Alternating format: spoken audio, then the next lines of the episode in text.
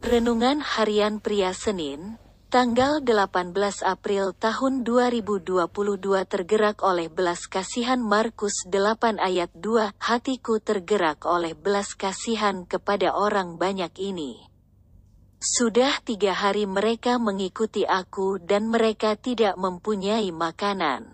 Kalau Anda dan saya membaca kisah pelayanan Yesus di muka bumi dengan teliti, maka kita akan menemukan berkali-kali Yesus digerakkan oleh belas kasihan untuk menolong orang-orang yang membutuhkan.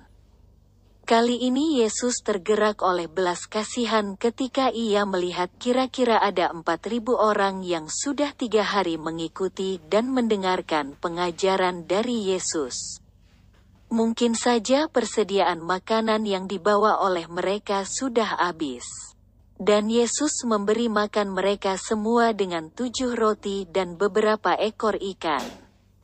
Sebuah teladan Yesus yang harus kita tiru dan praktekkan, yaitu digerakkan oleh belas kasihan.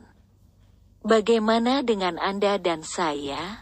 Apakah kita juga digerakkan oleh belas kasihan ketika kita melihat sebuah kebutuhan?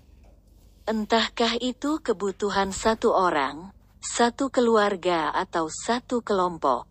Apakah kita sedang menjadi orang-orang percaya yang sibuk dengan urusan diri sendiri saja? Jika kita menjadi orang-orang percaya yang hanya sibuk dengan diri sendiri saja, maka lama-kelamaan karakter belas kasihan tidak bertumbuh di dalam kehidupan kita dan kasih kita menjadi dingin maka kasih kebanyakan orang akan menjadi dingin. Matius 24 ayat 12b Marilah kita menjadi anak-anaknya yang selalu digerakkan oleh belas kasihannya.